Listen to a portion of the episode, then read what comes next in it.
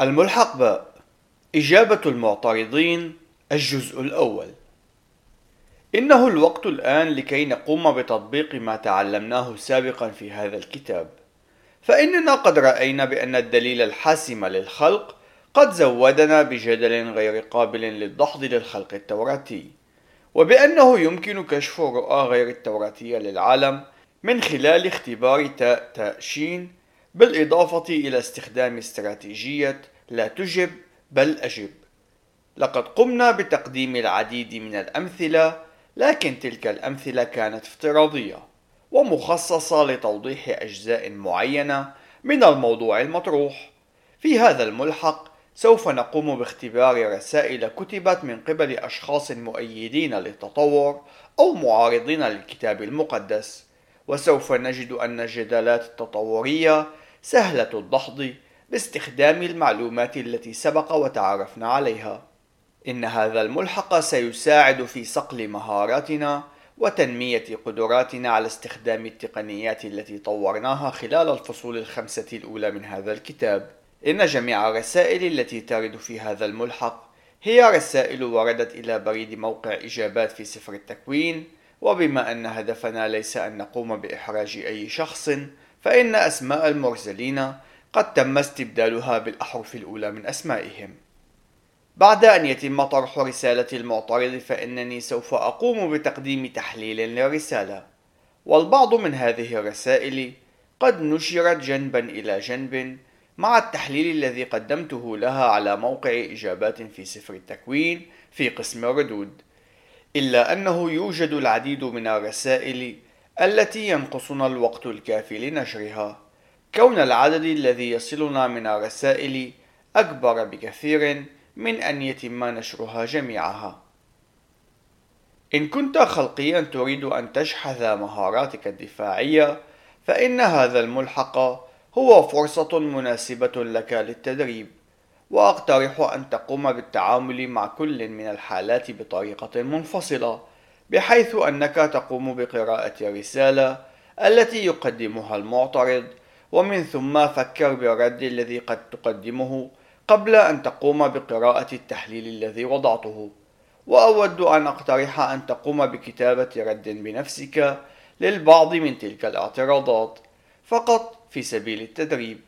وبعد ذلك انظر فيما إذا قد نجحت في رصد التعسف وعدم الاتساق المستخدم في رسالة المعترض. حاول أن تقوم بتحديد ماهية الرؤية للعالم التي يمتلكها كاتب الرسالة وحاول أن تحدد الكيفية التي تفشل فيها في تحقيق الشروط المسبقة لقابلية الفهم. واستعمل دائما استراتيجية لا تجب بل أجب أثناء تقديم إجابتك. ولتكن سمة إجابتك هي الوداعة والاحترام إنما لا تتنازل عن الحقيقة. بعد أن تقوم بتقديم ردك على رسالة قارن مع الرد الذي قمت بتقديمه ورجاء لا تعتقد بأن الرد الذي قمت بتقديمه هو أفضل رد ممكن. فإنه من الممكن أن تقوم بتقديم العديد من الردود الأفضل بحيث أنك قد ترصد أمورا قد غفلت عن رصدها. وهذا سيكون أمرا جيدا. ولكن في الوقت عينه قد تجد أنك أغفلت جانبا معينا وذلك سيكون أمرا جيدا لتتعلم من خلال التدريب. نصيحة إضافية غالبا ما تكون الردود القصيرة أفضل من الطويلة فالمعترضون يفضلون الردود القصيرة أكثر من الردود الطويلة بالرغم من أن الردود الطويلة قد تكون ضرورية في بعض الأحيان. لذلك لا تشعر بأنه من الواجب أن تقوم بالإشارة إلى جميع الأخطاء المرتكبة من قبل المعترض في تفكيره حاول أن تستهدف النقاط الرئيسية. أولا اتبع الأدلة.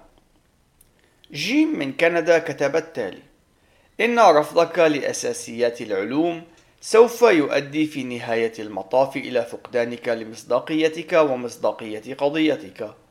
إن الأدلة التجريبية متوفرة لجميع الراغبين بالبحث إن ما تقدمه يشبه مطالبتك لنا بأن نؤمن بأن الأرض مسطحة وليست كروية أو بأن الشمس تدور حول الأرض بحيث نتجاهل الأدلة التجريبية المضادة.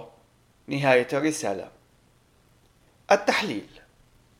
قبل أن نقوم بالرد على رسالة جيم سيكون من المهم أن نقوم بفهم رؤيته للعالم فمن الواضح أنه ليس خلقيا توراتيا كونه يكتب ضد الموقف الذي نتخذه في إجابات من سفر التكوين إنه غالبا مؤمن بالتطور أو أنه خلقي مؤمن بقدم عمر الأرض. وفي كلا الحالتين فإنه يرفض أن سفر التكوين يقدم تفسيرا للخلق. وقد قام باستخدام مصطلح تجريبي مرتين في رسالته وهذا يقدم اقتراحا بأن جيم قد يكون مؤمنا بالمذهب التجريبي أي الإمبريقي أي أنه يؤمن بأنه يتم اكتساب كل المعرفة بشكل مطلق من خلال المعاينة.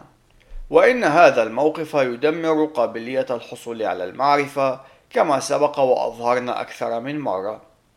لاحظ أن جيم ينظر بوقار شديد للعلم وبما أنه ليس مؤمنا بالخلق التوراتي فإنه لا يمتلك أي أساس عقلاني لانتظام الطبيعة وهو الأمر الذي يعتمد عليه البحث العلمي. هذا نوع من عدم الاتساق ويجب أن نشير إليه في ردنا. فكيف له أن يؤمن بالبحث العلمي بالاعتماد على رؤيته للعالم؟ كما أن جيم يؤمن بأن حسم الجدل القائم حول الأصول يمكن أن يتم من خلال التحقيق المحايد في الأدلة. لكن هذه هي مغالطة ادعاء الحيادية وهذا يظهر أن جيم لا يدرك طبيعة الجدل القائم حول الأصول. فالجدل بحد ذاته يتناول الكيفية التي يجب أن يتم تفسير الأدلة وفقها. وحقيقة كون المرسل جيم يتهم الفريق العامل في موقع إجابات من سفر التكوين بأنهم ينكرون العلم تظهر بأنه غير مدرك لما نقدمه من تعليم. وهذا الأمر شائع بين التطوريين. لذلك فإنه يجب علينا أن نكون مستعدين لأن نقدم تعليما متأنيا عن معنى الخلق التوراتي والنتائج التي ستنتج عن الرؤية التي يتبناها للعالم. رد محتمل. عزيزي جيم مع كل الاحترام يبدو أنك قد أسأت فهم الموقف الذي نتخذه فنحن لا ننكر العلم إنما نحترم البحث العلمي. وحقيقة الأمر. إننا كخلقيين نتوقع أن يكون الكون قابلا للفهم وأن يعمل بطريقة منتظمة وبأسلوب منطقي. ذلك لأنه قد خلق من قبل الله المنطقي والذي وعد بأن يديره بطريقة متسقة. لكن بناء على معتقدك لماذا يجب علينا أن نتوقع أن يكون الكون قابلا للفهم؟ فإن كان الخلق التوراتي غير صحيح كيف للعلم أن يكون ممكنا؟ وأود أن أطلب منك أن تقوم بقراءة بعض المقالات التي تشرح موضوع رؤى للعالم والافتراضات المسبقة. فنحن نحترم الأدلة المخبرية عينها التي تحترمها أنت. إنما المشكلة ليست في الأدلة بحد ذاتها إنما هي في طريقة تفسير الأدلة. فنحن نقوم بتفسير الأدلة في ضوء التاريخ التوراتي والذي يبدو أنك قد رفضته بطريقة اعتباطية تعسفية في حين أن فهم الأدلة يظهر اتساقا كاملا مع الخلق التوراتي. انظر إلى عدد من المقالات التي تتناول علم المعلومات والتعقيد غير القابل للاختزال. دكتور لايل. ثانيا توقفوا عن الكذب على الناس. المرسل ري من كاليفورنيا كتب التالي. كيف يمكنك أن تقوم بإنكار العلوم وتجاهل الحقيقة الواضحة حول البدايات؟ أنا أصلي أن تحصل لك رؤية من نوع ما لتتوقف عن تضليل الناس لتقودهم ليؤمنوا بهذا الهراء والأكاذيب. أنت ستودي بالناس إلى أن يبتعدوا بشكل كامل عن الله. فإن كان لدى أي شخص نصف دماغ سوف ينظر إلى العلم ليرى الحقيقة. وليس أربعة آلاف عام كتبت من قبل بعض رعاة الأغنام. نهاية الرسالة. التحليل إن هذا الشخص على ما يبدو يتخذ موقف التطور الربوبي.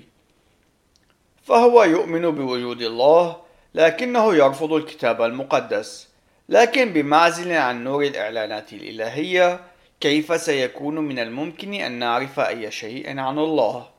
إن أول جملتين من هذه الرسالة مبنيتين على مغالطة رجل القش بحيث أنه قد تم إساءة تقديم الموقف الذي نتخذه حيث أن المعترض قد أشار إلى أننا ننكر العلم ونعلم الهراء والأكاذيب وهذا الأمر ليس صحيحا.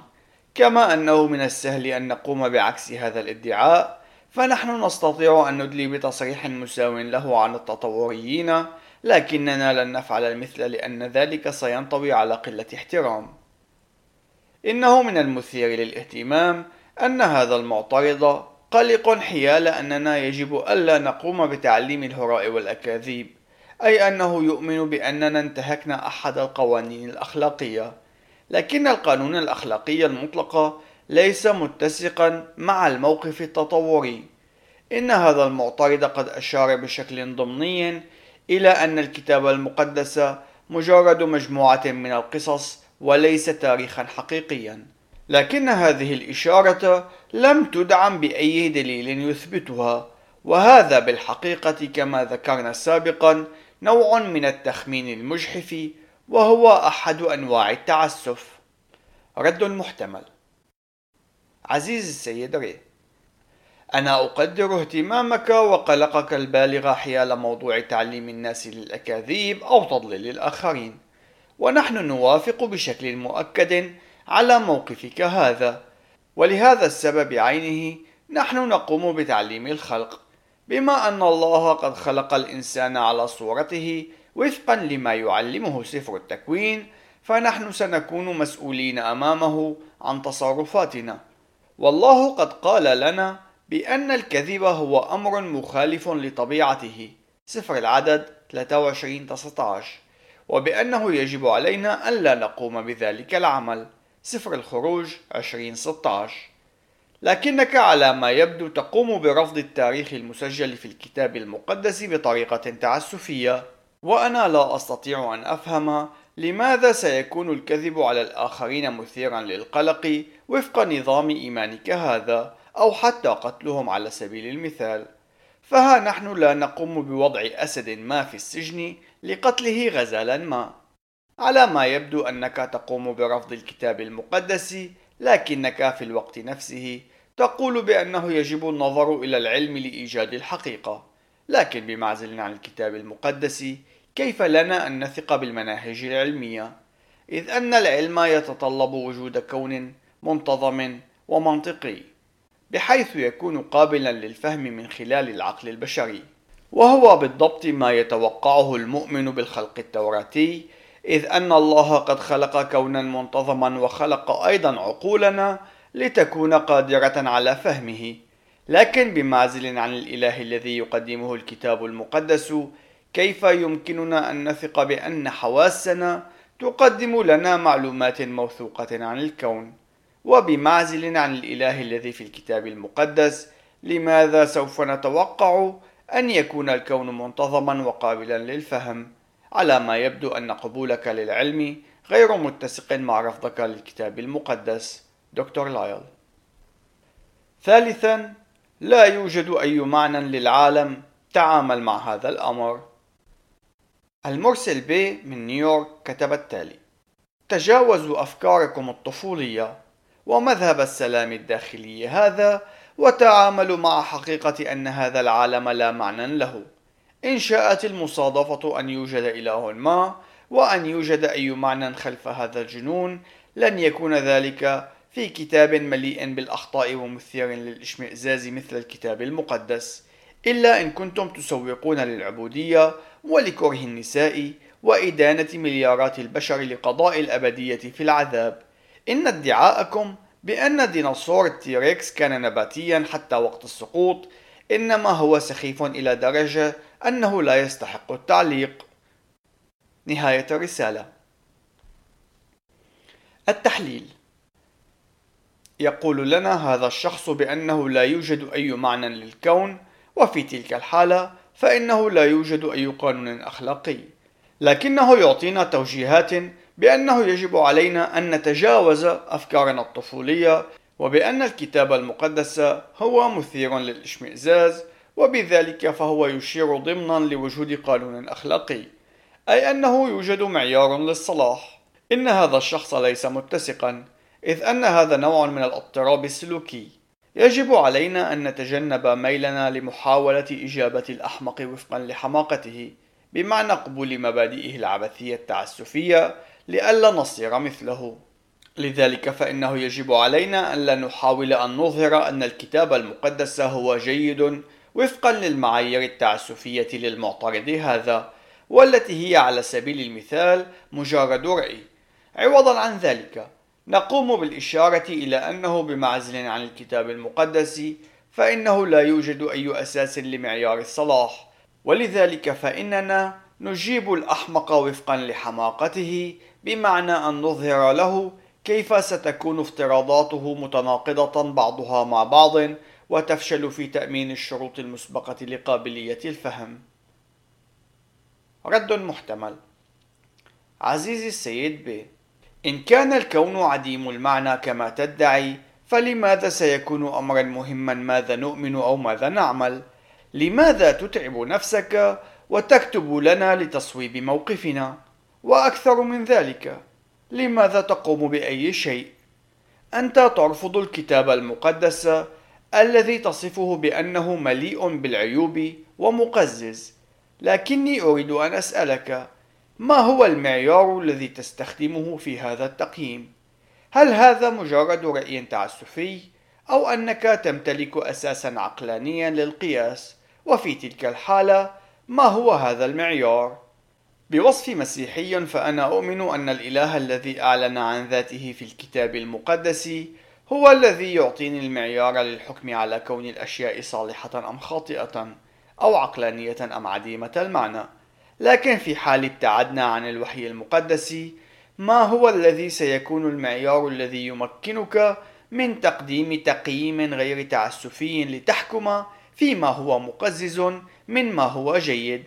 في الحقيقة إن كان الكون عديم المعنى كما تدعي كيف سيمكنك أن تمتلك معيارا مطلقا للحكم على أي شيء؟ بالمناسبة هل تمتلك أي سبب عقلاني للقول بأن ديناصور التيركس لم يكن عاشبا قبل السقوط أم أنك تقدم مجرد تخمين مجحف؟ دكتور لايل. رابعا الكتاب المقدس هو مجرد قصة. سين من روما إيطاليا كتب التالي. يجب على هذا الأمر أن يتوقف. إن الكتاب المقدس هو مجرد إعادة صياغة لقصص أخرى وديانات كانت منتشرة في الزمن وجميعها مشكوك بها. إنه من الجنون القول بأنه كلام إله ما. إن يسوع ليس إلها أكثر من كريشنا أو حورس. إن الإيمان بالخرافات أمر مسيء للبشرية وهو في الحقيقة جهل. لا يوجد لديكم أي دليل على الطبيعة الإلهية للكتاب المقدس. ليس أكثر من الأدلة على لاهوت ساي بابا والذي يمتلك أتباعا بالملايين. إن الكتاب المقدس يقدم تزويرا مثل تزوير التلمود. نهاية الرسالة. التحليل. يقدم هذا المعترض نموذجا عن التعسف الذي سبق ووصفناه بأنه تخمين مجحف فلقد افتتح رسالة واختتمها بادعاءات لا يمكن إسنادها بأدلة. الكتاب المقدس هو تزوير وليس أكثر من مجرد إعادة صياغة لقصص أخرى. لو أنه قد بذل القليل من الجهد في الذهاب إلى إحدى المكتبات العامة لوجد عددا كبيرا من الاكتشافات الأثرية التي تتوافق مع ما يقدمه الكتاب المقدس إضافة إلى المخطوطات القديمة منه.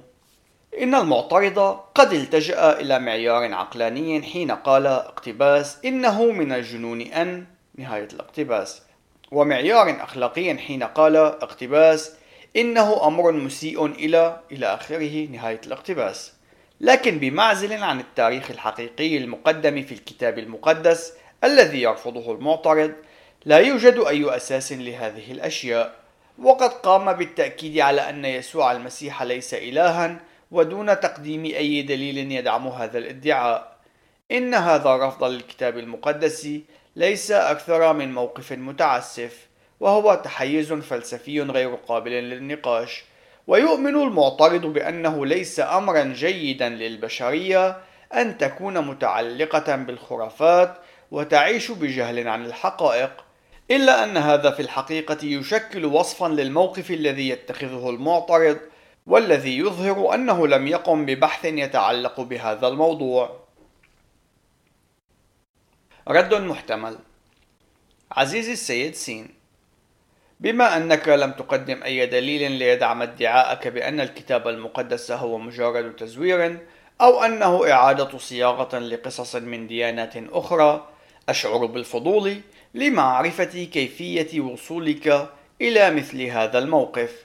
على الرغم من كل شيء فإن علماء التاريخ العلمانيون سوف يعترفون بوجود كمية كبيرة من المكتشفات الأثرية تدعم التاريخ المسجل في الوحي المقدس.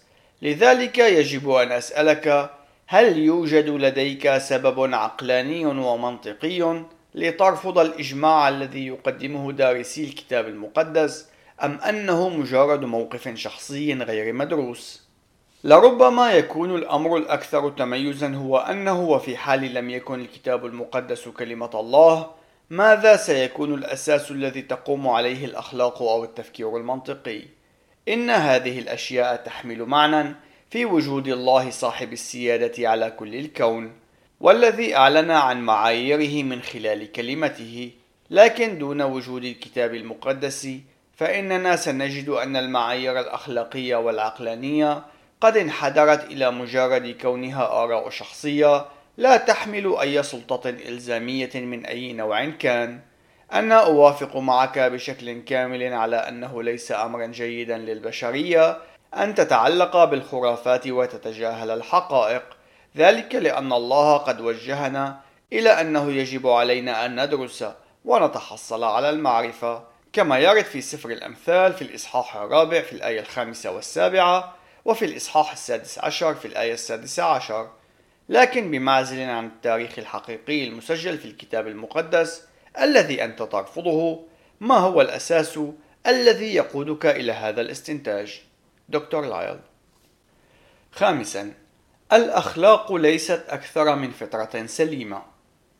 دال من ولاية داكوتا كتب التالي بعد كل الفظائع التي ارتكبها الله لماذا يتوقع من خليقته أن تكون مختلفة عنه؟ هل تتوقع من كائن عقلاني أن يقبل كلمات من أساطير تعود للعصر البرونزي ويتجاهل الأدلة العلمية المعاصرة؟ أنا آسف، لكني أحتاج أن أرى دليلا على وجود تفسير منطقي قبل أن أستطيع أن أؤمن. إن كنت تستطيع أن تقوم بتزويدي بأي دليل ليثبتوا قصتك الخرافية سأقوم بالتراجع عن جميع التصريحات التي قمت بها عن أسطورة الله. لماذا يعيش الملحدون حياة أخلاقية أعلى من أولئك الذين يؤمنون بوجود إله؟ إن الأخلاق ليست إلا فطرة سليمة. فأنا أعرف أن القتل هو أمر خاطئ لأنني لا أريد أن أقتل. والأمر سيان بالنسبة لجميع ما تدعوه أنت بالوصايا. أنا آسف إن كنت فظا لكن غباء الجنس البشري هو أمر يؤارقني أنا أعتقد بأن كل شخص يمتلك الحق في أن يؤمن بما يريد لكن يجب عليك ألا تفرض خرافاتك الربوبية علي أو على أي طفل بريء أو أي شخص آخر. إن هذه هي مشكلتي الرئيسية مع الدين. نهاية الرسالة. التحليل. إن هذا المعترض يمتلك الكثير ليقوله عن الكتاب المقدس لكن لاحظ عدم الاتساق في تفكيره. إنه يؤمن بالأدلة العلمية في الوقت الذي يرفض أساسات العلم أي الكتاب المقدس الذي يرفضه على أساس أنه خرافة من العصر البرونزي. إن هذا النوع من عدم الاتساق هو ما أشرنا إليه بالافتراضات المقنعة. لقد أشار إلى أنه بحاجة إلى دليل حتى يؤمن بأي شيء وهذا يشير إلى أنه لا يدرك طبيعة المنطق والافتراضات المسبقة. فالافتراضات المسبقة يجب أن يتم افتراضها في سبيل أن يتم إثباتها.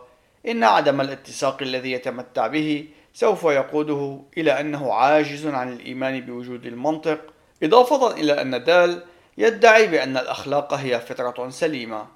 لكن هذا لا يؤمن قاعدة للأخلاق وهو يدعي بأن الملحدين هم أكثر أخلاقا من المؤمنين. إن هذا أمر مشكوك به لكنه ليس ذا صلة بالسؤال المطروح عن كيفية وجود الأخلاق المطلقة في العالم التطوري. وبما أنه قام بطرح عدد كبير من النقاط سوف نقوم بالرد على كل واحدة وحدها والتعليقات سيتم الإشارة إليها بوسم دكتور لايل حيث أنها تضاف إلى كل جزء من أجزاء رسالة السيد دال. دكتور لايل شكرا لكم عزيزي على بريدكم الإلكتروني الذي قمتم بإرساله. سوف أقوم حاليا بالرد على تعليقكم مستخدما أسلوب الرد المنفصل على كل نقطة بشكل منفصل وآمل أن يكون هذا مفيدا لكم. السيد دال بعد كل الفظائع التي ارتكبها الله لماذا يتوقع من خليقته أن تكون مختلفة عنه؟ دكتور لايل أحد المشاكل التي ستواجهها حين تقوم بفحص الإلحاد أو أي رؤية غير توراتية للعالم وذلك باستخدام منظور عقلاني ستكون عدم وجود أساس للقيام بأي ادعاءات أخلاقية من أي نوع كان ذلك يعني أنك وبوصفك غير مسيحي لا تستطيع أن تدعي بشكل عقلاني بأن أي شيء هو عمل فظيع أو وحشي أو بأن أي شخص قد قام بأي عمل خاطئ. بإمكانك أن تقول أن الله في الكتاب المقدس قد قام بأعمال لا ترضيك لكن مفهوم الخطأ والصواب لا معنى له في الكون العلماني الإلحادي لأنه من غير الممكن أن يوجد معيار موضوعي عالمي. إنما يوجد آراء شخصية وغير موضوعية السيد دال هل تتوقع من كائن عقلاني أن يقبل كلمات من أساطير تعود للعصر البرونزي ويتجاهل الأدلة العلمية المعاصرة؟ الدكتور لايل لا ولكننا ننتظر من الناس العقلانيين أن يقبلوا التاريخ المسجل أي الكتاب المقدس وليس أن يقوموا بمجرد رفض تعسفي نتيجة لعدم توافقها مع ما يريدون أن يؤمنوا به. إن الكتاب المقدس ليس كتاب أساطير إنما كتاب تأريخ قد تم تأكيده مرات عديدة. إضافة إلى ذلك إنه ليس مجرد كتاب تاريخ إنما هو يدعي بأنه كلمة الله وهذا الادعاء يمكن أن يتم عرض صحته من خلال إظهار أن جميع البدائل سوف تقود إلى نتائج عبثية بحيث أنه لن يكون من الممكن معرفة أي شيء. السيد دال: أنا آسف، لكني أحتاج أن أرى دليلا على وجود تفسير منطقي قبل أن أستطيع أن أؤمن. دكتور لايل: ماذا عن قوانين المنطق؟ هل يوجد لديك دليل منطقي لتثبت قوانين المنطق قبل أن تقبل بها؟ إنه أمر واضح أن هذا الأمر غير ممكن، إذ أنه يتوجب علينا أن نقوم أولا بافتراض وجود قوانين المنطق في سبيل إثبات وجودهم. إن بعض الأشياء يجب أن يتم القبول بها قبل أن يكون من الممكن إثباتها، وهي ما ندعوه بالافتراضات المسبقة، وجميعنا نمتلك افتراضات مسبقة تسيطر وتقود فهمنا للعالم، لكن ليس كل شخص يمتلك افتراضات مسبقة عقلانية. إن قمت بدراسة هذا الموضوع، سوف تجد أن الافتراضات المسبقة الإلحادية سوف تقود إلى استنتاجات غريبة لن يكون من الممكن وفقها معرفة أي شيء لأنه لن يوجد أي تفسير لوجود قوانين المنطق أو البحث العلمي. سيد دال إن كنت تستطيع أن تقوم بتزويد بأي دليل ليثبت قصتك الخرافية. سأقوم بالتراجع عن جميع التصريحات التي قمت بها عن أسطورة الله. دكتور لايل إنه من السهل أن أظهر لك أن رؤيتي للعالم هي رؤية الصحيحة لدي أساس عقلاني للأشياء اللازمة للمعرفة قوانين المنطق انتظام الطبيعة والأخلاق. لكن هذه الأشياء لن تحمل أي معنى في الكون الإلحادي. انظر في موضوع الأخلاق على سبيل المثال. لماذا يجب على أي شخص أن يتصرف وفق طريقة معينة؟ إن كنا مجرد غثاء بركة ما وقد أعيد ترتيبه فلن يكون لذلك الادعاء أي معنى. لكن إن كان هنالك إله خالق حينها سنكون مسؤولين أمامه عن جميع أعمالنا. سيد دال لماذا يعيش الملحدون حياة أخلاقية أعلى من أولئك الذين يؤمنون بوجود إله؟ دكتور لايل أنا لست واثقا من أن هذا هو الحال لكن حتى وإن كان كذلك فإن ذلك لن يصيب الهدف فالسؤال هو كيف يمكن أن يوجد شيء مثل الأخلاق في الكون الإلحادي فنحن لا ندعي بأن الملحدين هم أشخاص سيئون إلا أن محاولة الملحدين لأن يلتزموا بالمعايير الأخلاقية تظهر بأنهم في أعماق قلبهم يعرفون عن الله الذي أعلن عن ذاته في الكتاب المقدس. سيد دال: إن الأخلاق ليست إلا فطرة سليمة. دكتور لايل: هذا الأمر صحيح وفق رؤية المسيحية للعالم. يوجد في الكون المسيحي معيار للتصرف نتيجة لوجود الله صاحب السلطان على جميع المخلوقات، إضافة إلى أن الله قد زرع فينا قوانينه لأنه عرف بشكل مسبق بأننا نحتاج إليها. بالتالي فإن رؤية المسيحية للعالم تستطيع أن تفسر سبب وجود قانون أخلاقي مطلق وسبب معرفة الجميع عنه، إذ أن ذلك فطرة سليمة. إن رؤية الإلحادية للعالم لا تستطيع أن تفسر هذا الأمر وبالتالي فإن الملحدين مضطرون لسرقة الأخلاق من الرؤية المسيحية للعالم. بالمناسبة أليست السرقة أمر خاطئ؟ سيد دال أنا أعرف أن القتل هو أمر خاطئ لأنني لا أريد أن أقتل. دكتور لايل إن هذه هي القاعدة الذهبية من الوحي المقدس في متى 7:12 إن القاعدة الذهبية تحمل معنى في ضوء الرؤية المسيحية للعالم.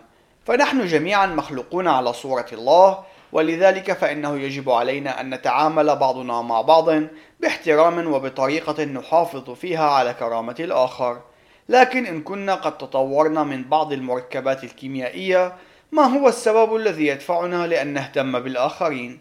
لماذا لا نؤذي الآخرين إن كان ذلك سيزيد من فرصتنا في البقاء في هذا الكون الذي يتميز بوسم البقاء للأفضل سيد دال والأمر سيان بالنسبة لجميع ما تدعوه أنت بالوصايا. دكتور لايل إن جميع الوصايا التي من الكتاب المقدس تحمل معنى في حال كان الناس مخلوقين على صورة الله ومسؤولين أمامه عن تصرفاتهم. وإلا فلماذا لا تقوم بما تشعر أنك تريد أن تفعله؟ سيد دال أنا آسف إن كنت فظا لكن غباء الجنس البشري هو أمر يؤارقني دكتور لايل أود أن أشجعك أن تبذل المزيد من الجهد في التفكير بهذا الموضوع. اقرأ بعض المقالات عن الأخلاق من صفحة إجابات من سفر التكوين. سيد دال أنا أعتقد بأن كل شخص يمتلك الحق في أن يؤمن بما يريد. دكتور لايل إن الساخر في الأمر أنه في حال كان الإلحاد صحيحا فإنه لن يكون من الممكن للناس أن يفكروا بما يريدون. فأفكارهم ليست أكثر من مجرد تفاعلات كيميائية في أدمغتهم فقط في ضوء الرؤية المسيحية للعالم يمكننا أن نقدم تفسيرا لحرية الاختيار لدى الجنس البشري وللعقلانية ففي الرؤية المسيحية للعالم إن البشر هم أكثر من مجرد ذرات مجمعة ومرتبة بطريقة معينة. سيد دال: لكن يجب عليك ألا تفرض خرافاتك الربوبية علي أو على أي طفل بريء أو أي شخص آخر. إن هذه هي مشكلتي الرئيسية مع الدين. دكتور لايل: إن كل شخص يمتلك رؤية دينية حتى وإن كانت رؤيته الدينية تقول بأنه لا يوجد إله. من الساخر أنك أنت أيضا تفرض رأيك علينا لقد وجدت أن الرؤى غير المسيحية للعالم بما في ذلك الإلحاد تتأثر كثيرا بالخرافات. إنها غير قابلة للتفسير بشكل عقلاني. إذ أن تلك الرؤى للعالم عاجزة عن تفسير الأشياء التي نأخذها بشكل مسلمات مثل قوانين المنطق أو الأخلاق. آمل أن تجد في تعليقاتي هذه مساعدة من نوع ما وأود أن أشجعك على دراسة هذا الموضوع وأعتقد بأنك ستجد بأنه يقودك إلى الاستنارة. سادسا هل خلق الله المنطق؟ جيم من ألمانيا كتب التالي. يوجد لدي سؤال يتعلق بمقالكم. الإلحاد رؤية غير عقلانية للعالم.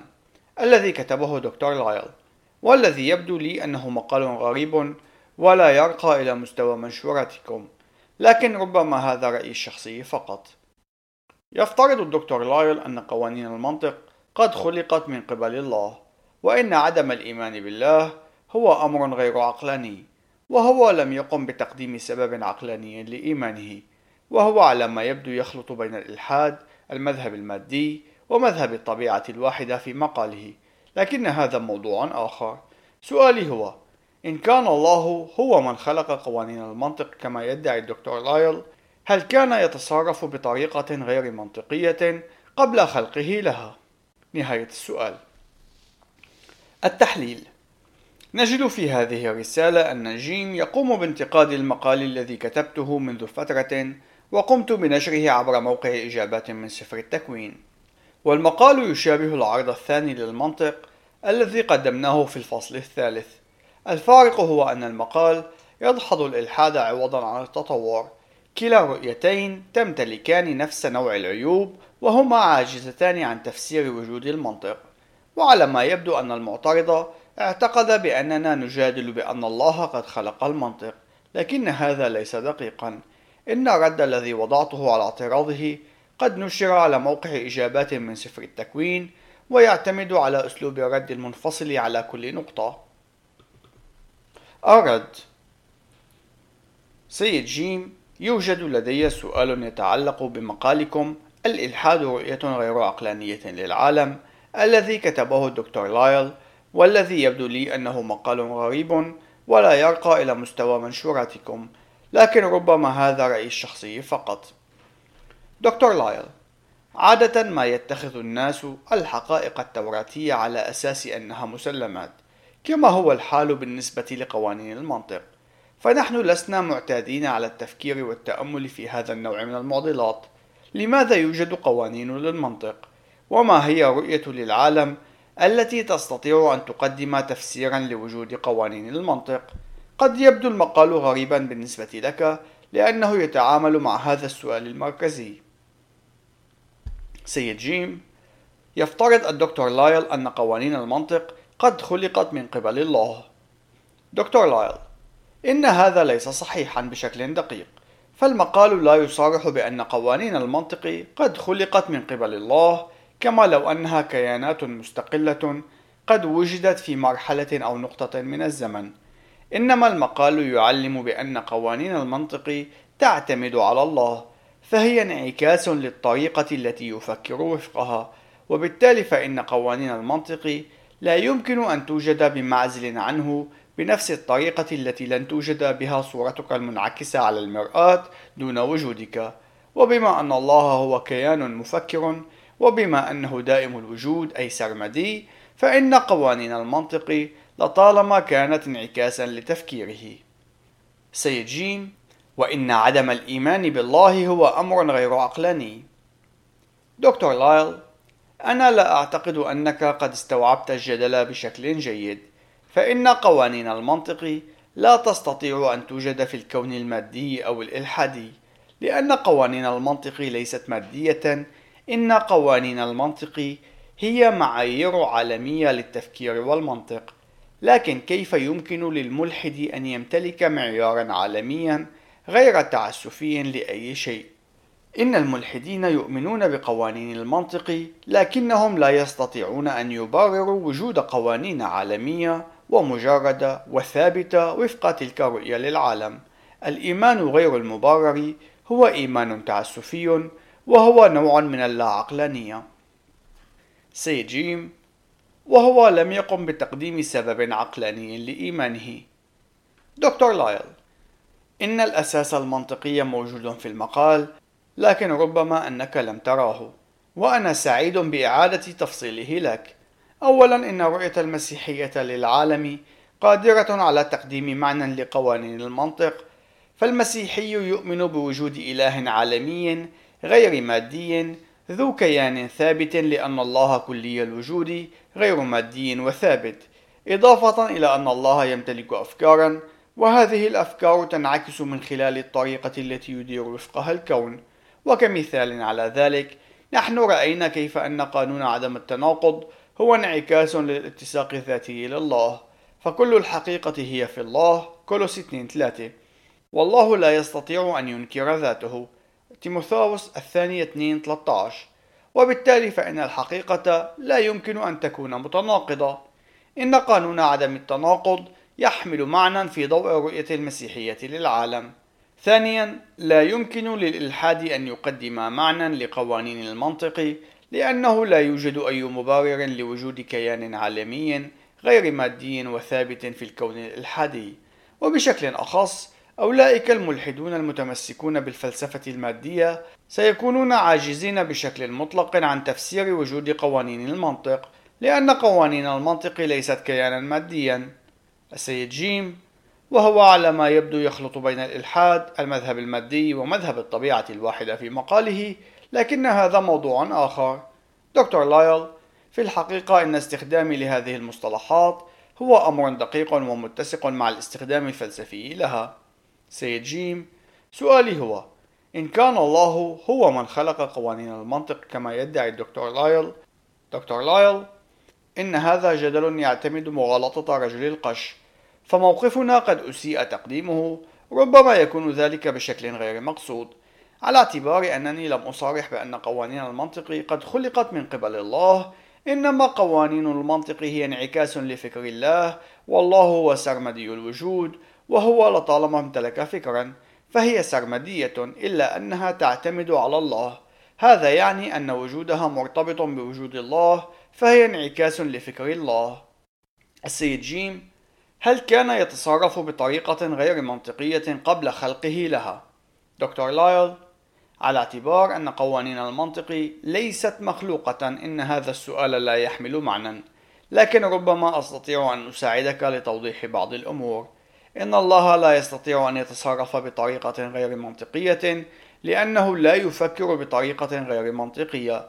فإنه من المستحيل على الله أن يفكر بطريقة غير منطقية لأن قوانين المنطق وفق رؤية المسيحية للعالم هي انعكاس للطريقة التي يفكر فيها الله. إن المؤمنين يمتلكون معيارا عالميا للمنطق الذي يحمل معنى وفق رؤيتهم للعالم. الملحدون يفتقرون لهذا.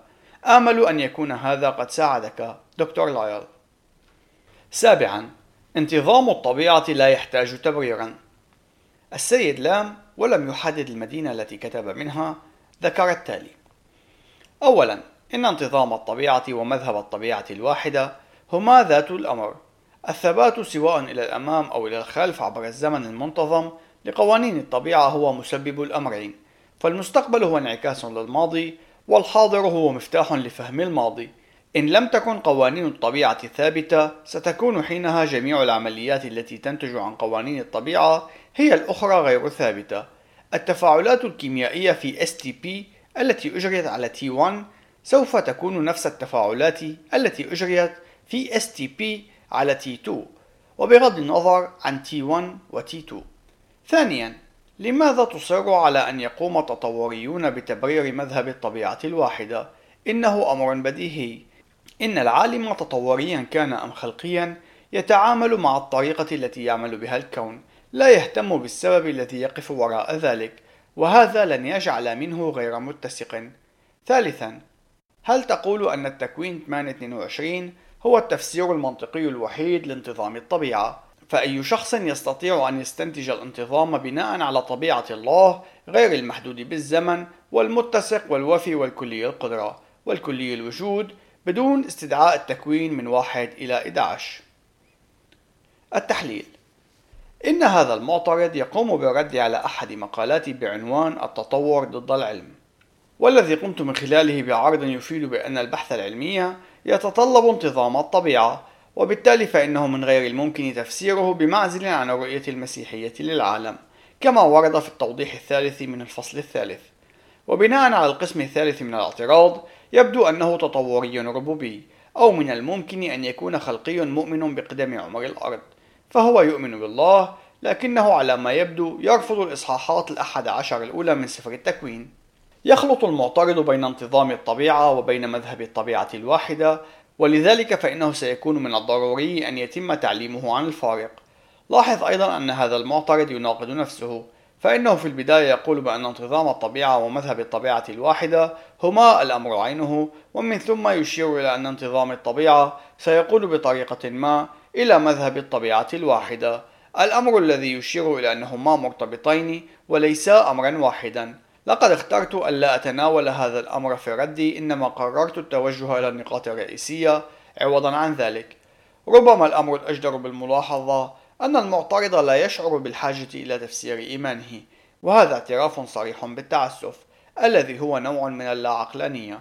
إن هذه الرسالة بالإضافة إلى ردي قد نشرا على موقع إجابات من سفر التكوين تحت عنوان مراجعات هل الحاضر هو مفتاح للماضي؟ وقد كان ردي بالشكل التالي. السيد لام أولا إن انتظام الطبيعة ومذهب الطبيعة الواحدة هما ذات الأمر. الثبات سواء كان إلى الأمام أو إلى الخلف عبر الزمن المنتظم لقوانين الطبيعة هو مسبب الأمرين. فالمستقبل هو انعكاس للماضي والحاضر هو مفتاح لفهم الماضي. دكتور لايل إن انتظام الطبيعة هو أمر متميز عن مذهب الطبيعة الواحدة. فالأول يشير إلى الاتساق بالطريقة التي يعمل وفقها الكون وذلك في حال كانت الظروف واحدة يستطيع المرء أن يتوقع النتائج عينها. وبكلمات أخرى يمكن القول أن قوانين الطبيعة متسقة لكن الظروف الخاصة بالعمليات قد تكون مختلفة سواء عبر الزمان أو المكان.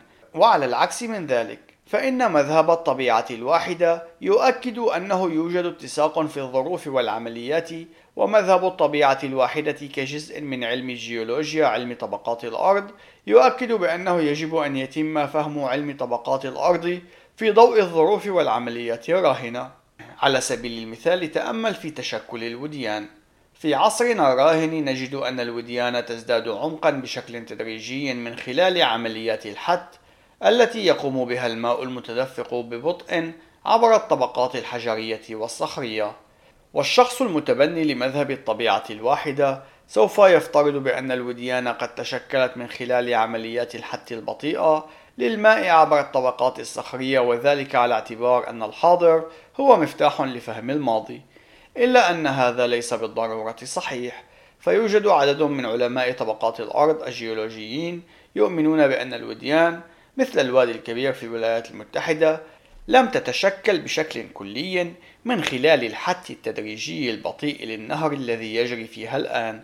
إنما بعض من الوديان قد تشكلت بشكل سريع في ظروف استثنائية كارثية وبالتالي فإن الحاضر ليس مفتاحا لفهم الماضي في تلك الحالات بالرغم من أن قوانين الطبيعة هي نفسها.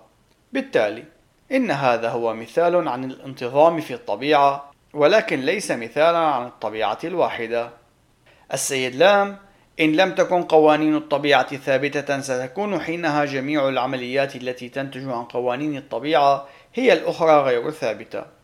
دكتور لايل إن هذا الاستنتاج غير مترابط منطقيا. يوجد العديد من العمليات مثل الحد لا تعتمد فقط على قوانين الطبيعة إنما على الظروف مثلا في ظل ظروف كالطوفان تجري عمليات الحت بسرعة أكبر من الأوقات الأخرى وذلك بالرغم من أن قوانين الطبيعة بقيت متسقة. السيد لام التفاعلات الكيميائية في STP التي أجريت على T1 سوف تكون نفس التفاعلات التي أجريت في STP على T2 وبغض النظر عن T1 و T2 دكتور لايل إن القياس الذي قمت بتقديمه أعلاه هو مثال عن الانتظام وليس عن مذهب الطبيعة الواحدة. فإن كانت الظروف واحدة سوف تكون النتائج واحدة لكن لا يوجد أي ضمان بأن الظروف ستكون متسقة بشكل دائم. فالتفاعلات الكيميائية في الطبيعة على سبيل المثال ربما تكون قد حدثت على درجات حرارة وضغط جوي مختلف عما هو عليه الحال في عصرنا الراهن. وبالتالي فإننا نمتلك انتظاما في الطبيعة وليس طبيعة موحدة. آمل أن يكون الأمر واضحا. السيد لام ثانيا لماذا تصر على أن يقوم التطوريون بتبرير مذهب الطبيعة الواحدة؟ دكتور لايل إنه من الضروري أن يتم تقديم مبرر للإيمان حتى يتم اعتباره عقلانيا. وإلا فإنه سوف يكون تعسفا وتخمينا أعمى. إن الأطفال يؤمنون بأشياء دون وجود أسباب جيدة. قد يؤمنون بوجود وحش ما تحت سريرهم أو في خزانة الملابس. ولا يشعرون بالحاجة لتبرير إيمانهم. إنه يكفي بالنسبة لهم أن يتصرفوا بناء على إيمانهم هذا. ربما يكون ذلك من خلال تغطية رؤوسهم. لكن يتوقع أكثر من ذلك من قبل البالغين. فالشخص العقلاني يجب أن يمتلك سببا أو مجموعة أسباب للأشياء التي يؤمن بها. سيد لام إنه أمر بديهي. دكتور لايل حتى في حال قبلنا بالأمر كبديهي الاعتقاد يحتاج إلى نوع من التبرير حتى يتم القبول بأنه عقلاني وليس تعسفي. وإلا فلماذا لا نقوم بافتراض الضد؟ إن انتظام الطبيعة يحمل معنى في ضوء رؤيتي للعالم. فانتظام الطبيعة هو ما سوف أتوقعه بناء على الكتاب المقدس. أنا أمتلك سببا للاعتقاد بانتظام الطبيعة وبالتالي فإنني أمتلك تبريرا للعلم. أما التطوري لا يمتلك هذا. فإما أن يقوم بقبول انتظام الطبيعة دون سبب أي بناء على إيمان أعمى أو أن يقوم بتبريره بالاعتماد على الكتاب المقدس الذي يقف على النقيض من التطور. إن الشخص التطوري لا يستطيع التهرب من غياب العقلانية في موقفه. بالمناسبة أنا أرفض مذهب الطبيعة الواحدة لأن الكتاب المقدس يشير إلى أن الظروف التي وجدت في الماضي كما هو الحال في عام الطوفان كانت مختلفة جدا عن الظروف الحالية. السيد لام إن العالم تطوريا كان أم خلقيا يتعامل مع الطريقة التي يعمل بها الكون لا يهتم بالسبب الذي يقف وراء ذلك. الدكتور لايل في سبيل معرفة كيفية عمل الكون نحن بحاجة لامتلاك نوع من المعرفة عن سبب عمله بهذه الطريقة. الأمران مختلفان تماما لكن يوجد علاقة بينهما. إن كان الكون حدث عرضي غير موجه لماذا سنتوقع أن يكون منتظما أو أن يخضع لقوانين الرياضيات؟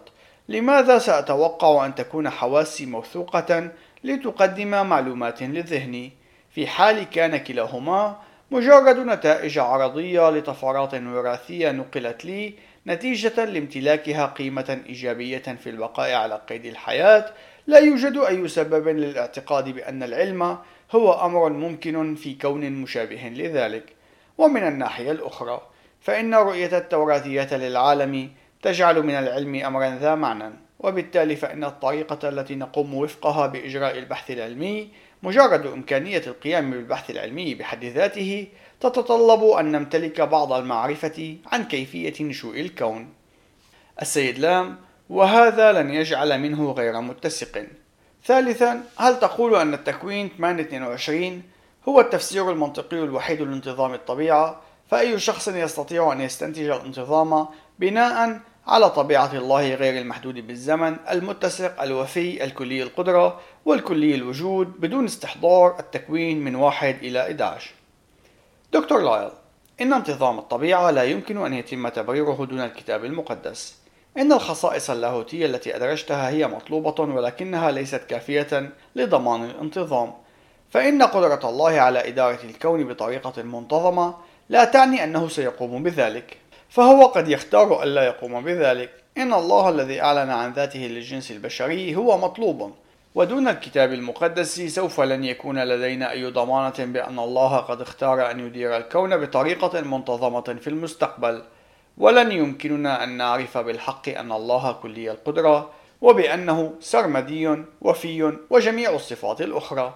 إن لم يكن قد قال لنا هذا إضافة إلى أنه يوجد آيات غير التكوين 822 التي قد يستنتج الشخص منها وجود انتظام في الطبيعة إلا أن رؤية التوراتية للعالم هي أمر مطلوب وبما أن جميع الأسفار الأخرى في الكتاب المقدس تعتمد على سفر التكوين الحرفي في سبيل أن تكون ذات معنى فإن سفر التكوين مطلوب لتبرير وجود انتظام في الطبيعة. شكرا لرسالتك وأتمنى أن يكون هذا رد قد ساعدك دكتور لايل. ثامنا دال من فلوريدا كتب التالي لقد صادف وقرأت مقالة عن كيفية بناء قنبلة في نظام التعليم العام للكاتب ديفيد كاتشبول. أود أن أسأل فيما إذا كان هذا المقال جدي حقا. أعني لقد تخرجت توا وبدون الله مع محبة العنف وفهم لاتفاقية التطور لكن الموضع الذي أشعر بالحيرة بخصوصه هو لماذا لم أقم بإطلاق النار على جميع الأطفال في المدرسة؟ أو لماذا لم أفجر كل شيء؟ أريد القول أنني وبعد كل شيء إنسان خاطئ علي لعنة بالذهاب إلى الجحيم إلى الأبد. وواحدة من بين الفرق الموسيقية المفضلة بالنسبة لي لديها أغنية تحمل عنوان أطلق النار على الأطفال في المدارس. الآن سأقوم بافتراض أنك لا تستطيع الإجابة عن سبب عدم قتلي لأي شخص أو حتى تخرجي من المدرسة بوجود أصدقاء وحياة اجتماعية جيدة وتعليم محترم وذلك بالرغم من كوني ملحدا.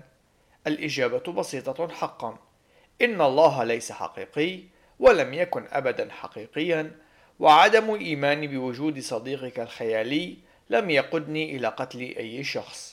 الحياة دون الله لا تعني حياة مع خيارات غبية إنما العكس صحيح. التحليل لقد أشرنا في مرات عديدة إلى أن الأشخاص يمتلكون ميلا إلى أن يتصرفوا بناء على معتقداتهم. ولذلك فإننا نتوقع أن تعليم الأطفال في المدارس بأنهم ليسوا إلا غثاء قذرا معاد ترتيبه أي أنهم تطوروا من حساء بدائي. سوف يودي إلى ازدياد موجات العنف التي تضرب المدارس وإن هذا لا يعني بأنه لا يوجد حرية اختيار في ذلك. لكنه ليس مستغربا أن الأطفال الذين يتعلمون أن الحياة ليست إلا نتائج عرضية لأحداث عديمة المعنى سيتصرفون بناء على ذلك النوع من الإيمان. إن السيد دال لديه مشكلة مع هذا المبدأ لكنه على ما يبدو لم يستطع فهم الجدل المقدم بطريقة جيدة. الأمر الجيد أن هذا المعترض كان صريحا فيما يتعلق برؤيته للعالم فهو ملحد. إن هذا يساعدنا على معرفة الرد المناسب وذلك لأننا نعرف خلفيته. على ما يبدو أن دال يعتقد بأنه وبوصفه ملحدا قادر على أن يكون أخلاقيا بشكل ممتاز.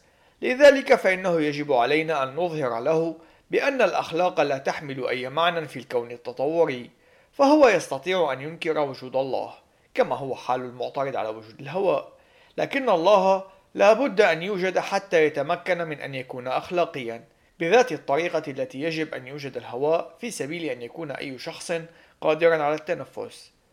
لقد لاحظت أن هذا البريد الإلكتروني يستحق ردا مفصلا لذلك فإن ردي الذي يستعمل أسلوب الإجابة على كل نقطة بشكل منفصل سوف يكون مطولا.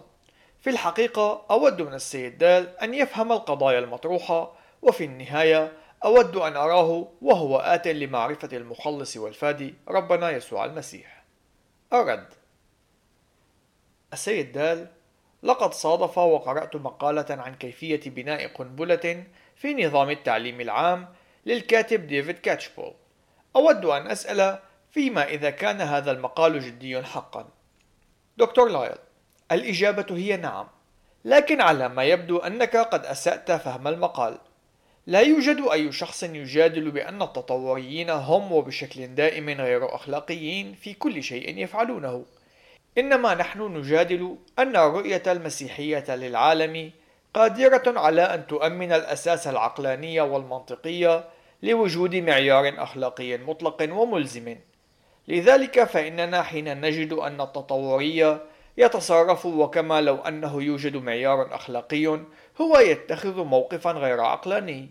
إضافة إلى أن التطوري حين يتصرف كما لو أنه مجرد نوع من الحيوانات على سبيل المثال حين يقوم بقتل الأشخاص الآخرين الذين لا يحبهم هو في الحقيقة يبدأ بالتصرف بشكل متسق مع رؤيته للعالم.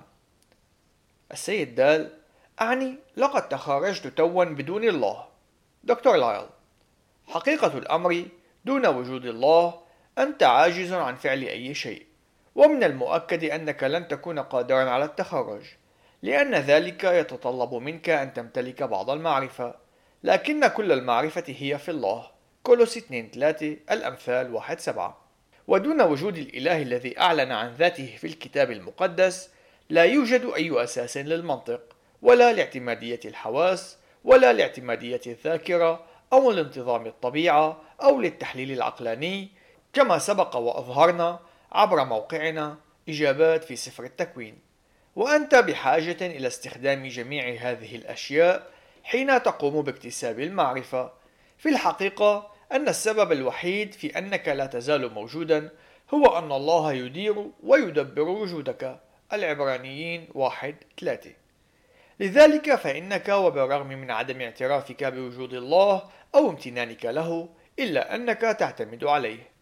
وكما يقول الدكتور كورنيليوس فانتل الملحد يشبه الطفل الذي يجلس على حضن والده ويقوم بصفع وإهانة والده. إن هذا الطفل قادر على فعل ذلك فقط لأن والده يدعمه ويحمله وبنفس الطريقة فإن الملحد قادر على الإساءة لله فقط لأن الله يحفظه ويدعمه. إن كنت لا توافق على هذا أرجوك أطلعني على الأساس لوجود الانتظام في الطبيعة في حال غياب الله. هذا سيكون صعب الفعل كما يظهر لك تاليا. التطور ضد العلم انظر المحاكاة الثالثة من الفصل الثالث.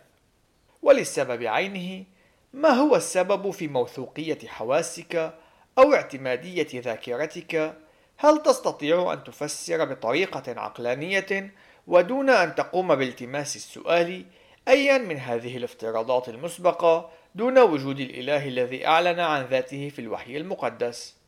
السيد دال مع محبة العنف.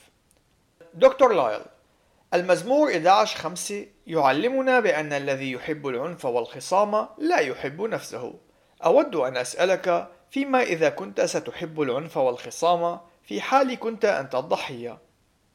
سيد دال وفهم لاتفاقية التطور دكتور لايل الساخر في الأمر هو أنه إن كان التطور صحيحا فإنه لن يكون من الممكن لك أن تفهمه. الفهم يتطلب امتلاك ذهن عاقل وحرية اختيار لتأمل البدائل المتاحة واختيار الأفضل بينها. لكن إن كان التطور صحيحا فإن عقلنا ليس إلا نتاج عمليات كيميائية عشوائية صادف وامتلكت قيمة إيجابية لتساهم في إبقائنا على قيد الحياة. وبالتالي فإنه بشكل أساسي لن يوجد أي سبب يدفعنا للاعتقاد بقدرتنا على التفكير المنطقي في العالم التطوري. إن كان التطور صحيحا فإن ما تقوله أو تفكر به لا يمكن أن يكون عقلانيا. إنما هو نتيجة حتمية للتفاعلات الكيميائية التي تحدث عبر الزمن.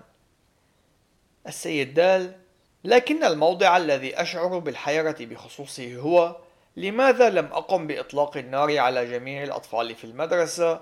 أو لماذا لم أفجر كل شيء؟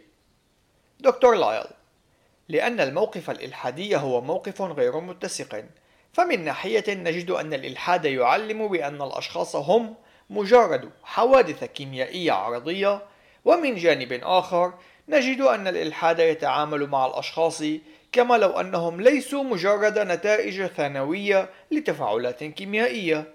لذلك ومع احترامي لك إن الموقف الذي تتخذه هو موقف انفصامي إن الكتاب المقدس يفسر السبب في أن الملحدين يتصرفون بهذه الطريقة فهو يقول لنا أن كل شخص في أعماق قلبه يمتلك معرفة الله الذي أعلن عن ذاته في الكتاب المقدس رومية 1 19 إلى 20 هذا هو السبب في أن الجميع يعرفون أن القتل خاطئ.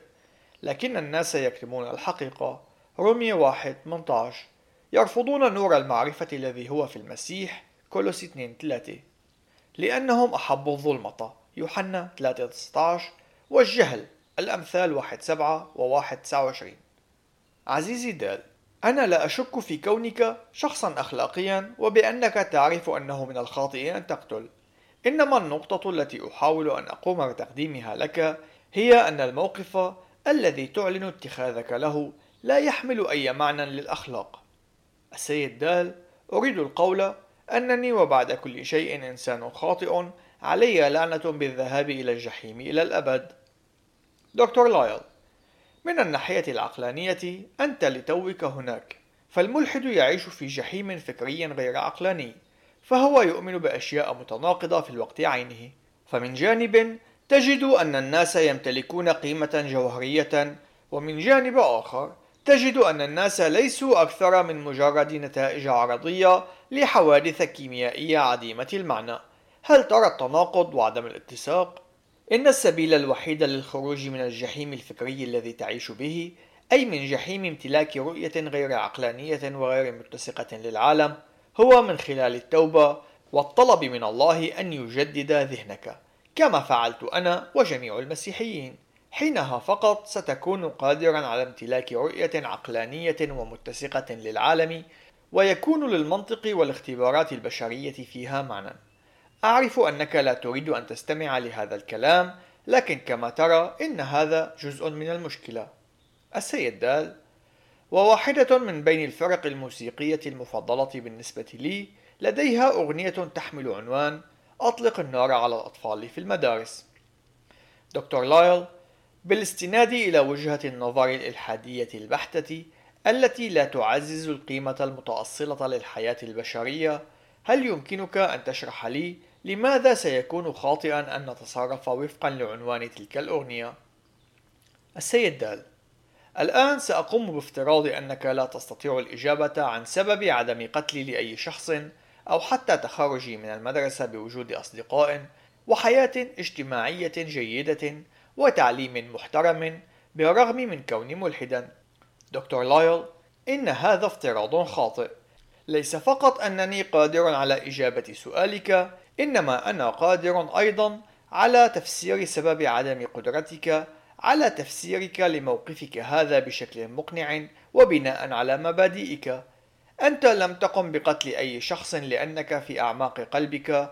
تعرف الإله الذي أعلن عن ذاته في الكتاب المقدس. رومية 1:21 وبالتالي فإنك تعرف أنه سيكون من الخاطئ أن تقتل أي شخص وأنت تمتلك أصدقاء وحياة اجتماعية جيدة. لأنك تعرف أن الأشخاص ليسوا مجرد نتائج عرضية لأحداث كيميائية ومخرجات تطورية ولكنك تدعي أنك ملحد وتصرفك غير متسق وغير عقلاني. أرجو ألا تسيء فهمي. هذا لا يعني أني أقول بأنك غير ذكي أو غير مثقف. هذا يعني ببساطة أنك لم تقم بالتفكير في هذه القضايا. فمن جانب تقول أنه لا يوجد إله ولكنك تعرف في أعماق قلبك الله كما أعلن عن ذاته في الوحي المقدس وبأن الناس مخلوقون على صورته ومسؤولون عن تصرفاتهم. ومن تصرفاتك يظهر أنك لا تؤمن بشكل حقيقي بما تعلنه وهذا نوع من الاضطراب السلوكي وهو أحد أشكال اللاعقلانية التي ذكرناها في الفصل الخامس. الغريب في الأمر أنك عاجز عن الإجابة على سؤالك باستخدام رؤيتك التي تعلنها للعالم فمن منظور إلحادي لماذا لم تقم بقتل الأشخاص الذين يزعجونك؟ إن كانوا مجرد رغوة من بركة ما وقد أعيد ترتيبها أي تطور من حساء بدائي وإن كان الأشخاص الآخرون كذلك لماذا لا تعيد ترتيبهم من جديد؟ سأقوم بتقديمها لك على طبق وفق العالم الإلحادي لماذا سيكون من الخاطئ أن تقوم بقتل أي شخص؟ السبب في عدم إمكانية الإجابة على هذا السؤال بناء على رؤية الإلحادية للعالم هو أنك بحاجة إلى الالتجاء إلى وجود معيار أخلاقي مطلق وعالمي يقول بأن القتل خاطئ. لكن في العالم العلماني إن الأخلاق هي أمر شخصي ونسبي. السيد دال الإجابة بسيطة حقا. إن الله ليس حقيقي. دكتور لايل هل تمتلك أي دليل على صحة ادعائك هذا؟ أي أن الله ليس حقيقي أو أنه مجرد إيمان أعمى؟ حتى تثبت أن الله ليس حقيقي يتوجب عليك أن تعرف كل شيء عن الكون. وإلا كيف تعرف أن الله ليس موجودا في جانب من جوانب الكون الذي لم تسبر أغواره بعد؟ ويتوجب عليك أيضا أن تعرف كل شيء عن الأشياء التي يمكن أن تتواجد وراء الكون وإلا كيف تعرف أن الله ليس موجودا فيما وراء هذا الكون المادي؟ يجب أن تعرف كل شيء عن كل شيء في سبيل معرفة أنه لا يوجد إله وفي تلك الحالة يجب أن تكون كلي الوجود وهذه إحدى ميزات اللاهوت أي أنه يجب أن تكون إلها في سبيل أن تعرف أنه ليس إله وفي تلك الحالة فإن الله موجود. إن هذا أحد الأمثلة على اللا عقلانية في المواقف الإلحادية فإن المشكلة أنهم لا يفكرون بالأمور بشكل عميق وإيمانهم تعسفي ولا يمتلك مبررا عقلانيا. السيد دال ولم يكن أبدا حقيقيا وعدم إيماني بوجود صديقك الخيالي لم يقدني إلى قتل أي شخص الحياة دون الله لا تعني حياة مع خيارات غبية. دكتور لايل في الحقيقة إن هذا غير صحيح فإنه دون وجود الإله الذي أعلن عن ذاته في الكتاب المقدس سوف تكون جميع القرارات مبنية على أساس تعسفي وغير عقلاني ولن يوجد أي قاعدة لقوانين المنطق التي تقود التفكير المنطقي وهذا الأمر قد قدمته في مقال يحمل عنوان الإلحاد رؤية غير عقلانية للعالم متوفر على موقع إجابات في سفر التكوين. إن كل المعرفة تبتدئ مع الله. سفر الأمثال واحد سبعة. سيد دال إنما العكس صحيح. دكتور لايل أود أن أشجعك على أن تفكر بهذه القضايا. ويوجد عدد من المواضيع التي قدمناها وهي تظهر بأن الإلحاد التطوري عاجز عن تفسير معنى الاختبارات البشرية والفكر البشري والمنطق في حين أن الرؤية المسيحية للعالم تستطيع ذلك. أرجو أن تقوم بقراءة المقالات التي أشرت إليها وأن تتأمل بها عوضا عن أن تقوم بشكل عاطفي برفضها على أسلوب ما هذا الغباء وهو ما يفعله الكثير من قرائنا الأعزاء. وأن تمتلك المصداقية العلمية لتتأمل في البدائل المطروحة لرؤيتك للعالم. فالرؤية المسيحية للعالم سوف تجيب عن أسئلتك التي تتعلق بانتظام الطبيعة قوانين المنطق الأخلاق وما شابه ذلك. قارن هذا بما تجده في اللا إجابات التي يقدمها الإلحاد عن هذه المواضيع الحيوية. بشكل محدد أرجو أن تطلع على المناظرة الشهيرة بين الدكتور غريغ بانسون والدكتور جوردون شتاين التي ستقدم لك المساعدة. إن وجود الله الأخلاق والتطور هي أكثر من مجرد مواضيع أكاديمية مثيرة للاهتمام.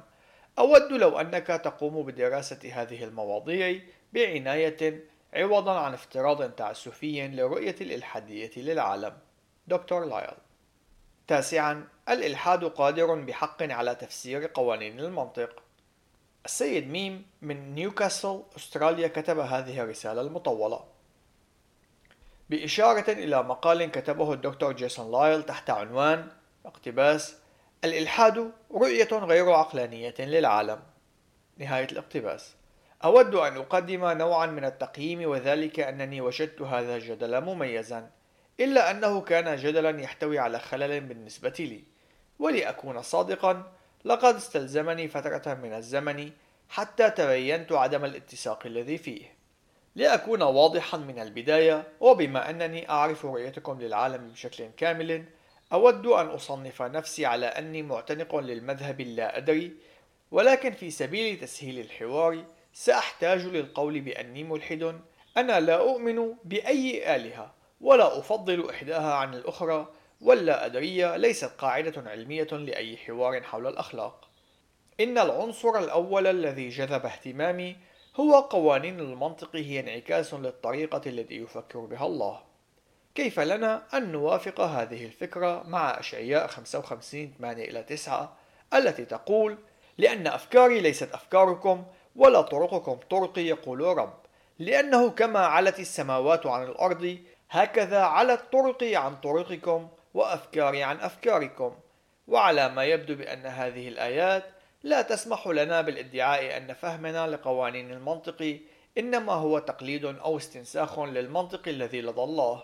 إن هذا الشاهد هو من الكتاب المقدس وهو يطرح تساؤلات حول فكرة أننا يجب أن نستأثر أفكارنا أو نطوعها بحسب فكر الآلهة. لكن إن وضعنا هذه الفكرة جانبا للحظة إن المحور الرئيسي في جدلك على ما يبدو هو أن الإلحاد لا يستطيع أن يفسر وجود المنطق وبالتالي استخدام ذلك لإضعاف أي جدل يقومون بتقديمه. وهذا يجعل منه افتراضا مسبقا مميزا للدحض ذلك أن المنطق هو أداة لا يستطيع خصمك استخدامها لكني أرجو أنك ستسمح لي بتلك الحرية لوهلة. أود أن أشير لكم بوجود زلة قلم في طرحكم للمشكلة. الملحد المادي يختلف عن الملحد. الملحد هو وبكل بساطة ينكر وجود أي آلهة وهذا لا يعني بالضرورة أنهم ينكرون وجود أي شيء غير مادي وهو الأمر الذي ينكره الملحدون الماديون. يوجد العديد من الملحدين الذين يقبلون بوجود أشياء غير مادية وأنا هنا أقوم بتحديد وتمييز الأشياء غير المادية عن الروحية أو المعجزية. فالكيانات غير المادية هي التي تمتلك تأثيرا على العالم الحقيقي والذي يمكن أن يتم معاينته بشكل جيد هو أمر مقبول بالنسبة لمعظم أشكال الإلحاد. الأمر المهم أيضا هو أننا لا يمكن أن نقوم بمعاينة بعض التعاملات مع العالم الحقيقي. هذا هو السبب في أني عزلت الكيانات الروحية والمعجزية. والمنطق هو ما أضعه في هذه القائمة بجانب عدد من المفاهيم الأخرى مثل الوعي حرية الإرادة وما شابه ذلك. إن هذا لا يقدم تفسيرا للأصول ولكنه أيضا لا يتعثر بالافتراض المسبق الذي تم تقديمه في المقال المذكور بأن قوانين المنطق لا تستطيع الوجود في الرؤية التطورية للعالم. أما بالنسبة لأصل المنطق أود أن أقدم جدلا شخصيا بأنها انعكاس للعالم الذي نعيش فيه وهو أمر لا يمكن أن يختلف عن العالم الذي نمتلكه. هذا يعني أني لا أستطيع أن أقوم بركن سيارتي في المنزل وأن لا أقوم بركن سيارتي في المنزل في الوقت عينه. فإن كنا نعيش في عالم يسمح بذلك فحينها نعم سيكون مفهومنا عن المنطق مختلفا بطبيعته. إنني أجد هذا الجدل جيد في الرد على المسيحيين الذين يزعمون بأن المنطق يصدر عن الله أي أن المسيحيين يقومون بتحويل أصل المنطق إلى أصل الله والذي كما يدعون بأنه سرمدي وهو مجرد خروج عن موضوع أصل المنطق. فالتطوري يستطيع أن يقوم بتقديم سلسلة من الادعاءات بحيث يقول بأن الكون هو أزلي وبأن قوانين المنطق مرتبطة به بشكل مباشر. أي أن يقوم بالهروب بطريقة مشابهة. أنا أقدر أن عددا كبيرا من المسيحيين سوف لن يوافقوا على نقد القصير نسبيا لتفسيرهم لأصل المنطق لكني أريد فقط أن أظهر لهم أن تفسيرهم ليس أفضل من تفسير الملحدين الذي لن يكون بالضرورة أفضل من الآخر. نقطة إضافية. اقتباس وحده الإله الذي أعلن عن نفسه في الكتاب المقدس يشكل الأساس للمعرفة. نهاية الاقتباس. أنا لا أعتقد أن هذه هي الحقيقة. إن هذا الجدل قابل للاستخدام للدفاع عن أي إله أزلي ومطلق وغير متغير. أنا متفهم بأنك مدافع عن المسيحية فأنت تأخذ القليل من الحرية في هذا المجال. إلا أنني لا أستطيع أن أرى أي شيء في هذا الجدل عدا عن كونه يستدعي شواهد من الكتاب المقدس وهذا ما يحدد هذا الجدل بالإله المسيحي. سأقوم بغض الطرف عن كلامك عن أخلاق الملحدين وذلك أنك اخترت ألا تبني ادعاءات على أي شيء وأعتقد أن ذلك سيكون نقاشا طويلا. في جميع الأحوال أتمنى أن تكون النقاط التي قمت بتقديمها أثارت اهتمامك. فالجدل الذي قمت بتقديمه إنما هو موجه ومحدود بالملحدين الماديين وربما ليس مستقا من القراءة المباشرة للكتاب المقدس. تحياتي ميم. التحليل. إن الأمثلة التي قمنا بتقديمها سابقا كانت قصيرة نوعا ما والمعترضين كانوا لا يعلمون ما هو التعليم الحقيقي الذي يقدمه الخلقيون. وهذا الأمر واقعي ذلك بالاعتماد على خبرتي في هذا المجال فإن 99% من المعترضين لا يفهمون بشكل كامل الموقف الذي يقومون بالاعتراض عليه أو حتى الموقف الذي يتخذونه فيما يتعلق بالافتراضات المسبقة تحديدا إلا أن هذه الرسالة مختلفة. فعوضا عن تقديم الرد العاطفي الرافضي الذي يقول إن هذا مجرد هراء نجد أن هذا المعترض قد قام بالتفكير في النقاط التي طرحها المقال موضع الاعتراض وقد قام بالرد بطريقة مهذبة ومدروسة وأنا أقدر كثيرا الحوار الودي من هذا النوع وقد قمت بالرد بكل وداعة. لقد رغبت في إضافة هذا المثال بالرغم من أنه مثال طويل وذلك لأنه واحد من بين أفضل الردود التي وجدتها صادرة عن معسكر الملحدين. بالرغم من ذلك فهو رد فاشل أيضا وإنه لمن الجدير بالاهتمام أن نظهر أنه حتى في أفضل المواقف الإلحادية المدروسة هي بكل بساطة عاجزة عن تقديم تفسير لوجود قوانين المنطق أو أي من الافتراضات المسبقة لقابلية الفهم وحدها رؤية المسيحية للعالم قادرة على فعل ذلك. لاحظ أيضا أن المعترض قد اعترف بعجز الإلحاد المادي عن تبرير وجود قوانين المنطق لكنه يظن أن الموقف المزدوج يستطيع إنقاذ الموقف. في الصفحات التالية سيرد ردي الذي استخدمت فيه أسلوب الرد على كل نقطة من النقاط بشكل مستقل. الرد السيد ميم بإشارة إلى مقال كتبه الدكتور جيسون لايل تحت عنوان الإلحاد رؤية غير عقلانية للعالم أود أن أقدم نوعا من التقييم وذلك أنني وجدت هذا الجدل مميزا إلا أنه كان جدلا يحتوي على خلل بالنسبة لي ولأكون صادقا لقد استلزمني فترة من الزمن حتى تبينت عدم الاتساق الذي فيه. لأكون واضحا من البداية وبما أني أعرف رؤيتكم للعالم بشكل كامل أود أن أصنف نفسي على أني معتنق للمذهب لا أدري ولكن في سبيل تسهيل الحوار سأحتاج للقول بأني ملحد أنا لا أؤمن بأي آلهة ولا أفضل إحداها عن الأخرى واللا أدرية ليست قاعدة عملية لأي حوار حول الأخلاق. دكتور لايل أود شكرك لكونك صريحا وواضحا فيما يتعلق برؤيتك للعالم. إن هذا الأمر يساعدنا على معرفة الخلفية التي تأتي منها مما يساعد على تقديم أفضل رد. السيد ميم إن العنصر الأول الذي جذب انتباهي هو اقتباس قوانين المنطق هي انعكاس للطريقة التي يفكر بها الله نهاية الاقتباس.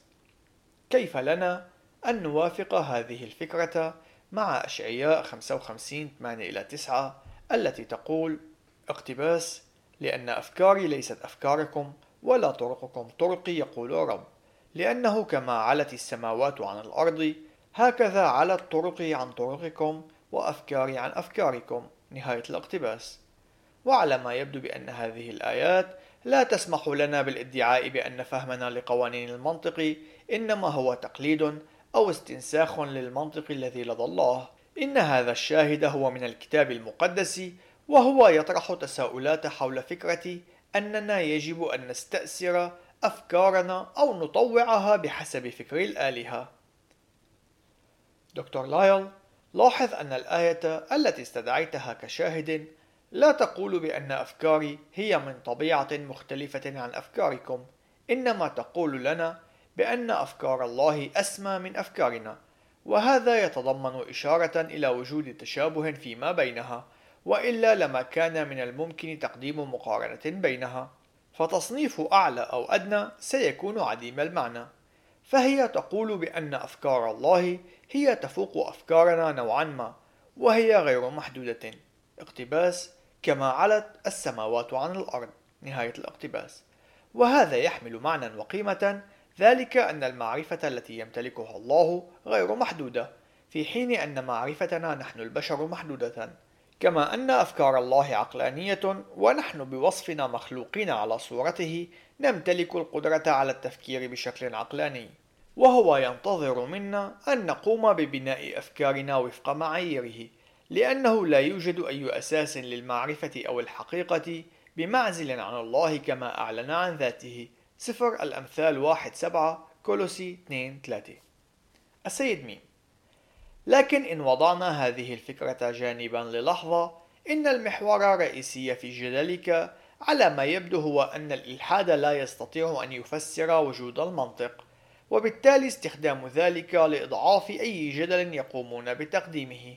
وهذا يجعل منه افتراضا مسبقا مميزا للدحض ذلك أن المنطق هو أداة لا يستطيع خصمك استخدامها. لكني أرجو أنك ستسمح لي بتلك الحرية لوهلة. أود أن أشير لكم بوجود زلة قلم في طرحكم للمشكلة. فالملحد المادي يختلف عن الملحد. الملحد هو وبكل بساطة ينكر وجود أي آلهة. وهذا لا يعني بالضرورة أنه ينكر وجود أي شيء غير مادي وهو الأمر الذي ينكره الملحدون الماديون. دكتور لايل لقد تم تناول كل من الإلحاد المادي والإلحاد غير المادي في المقال. وبما أن الملحدين الماديين هم الأكثر اتساقا بين المجموعتين حيث أنهم يرفضون كل الكيانات غير المادية بشكل متسق في حين أن الآخرين يقومون بشكل تعسفي برفض البعض منها وقبول البعض الآخر. كان هو السبب في توجيه المقال نحوهم بشكل رئيسي إلا أن الملحد قد يتخذ موقفا ازدواجيا وعلى ما يبدو أن هذا هو ما تدافع عنه. ووفق ذلك الموقف يوجد العالم المادي الذي يحتوي على الأشياء مثل الإوز، المفتاح الإنجليزي والحجارة.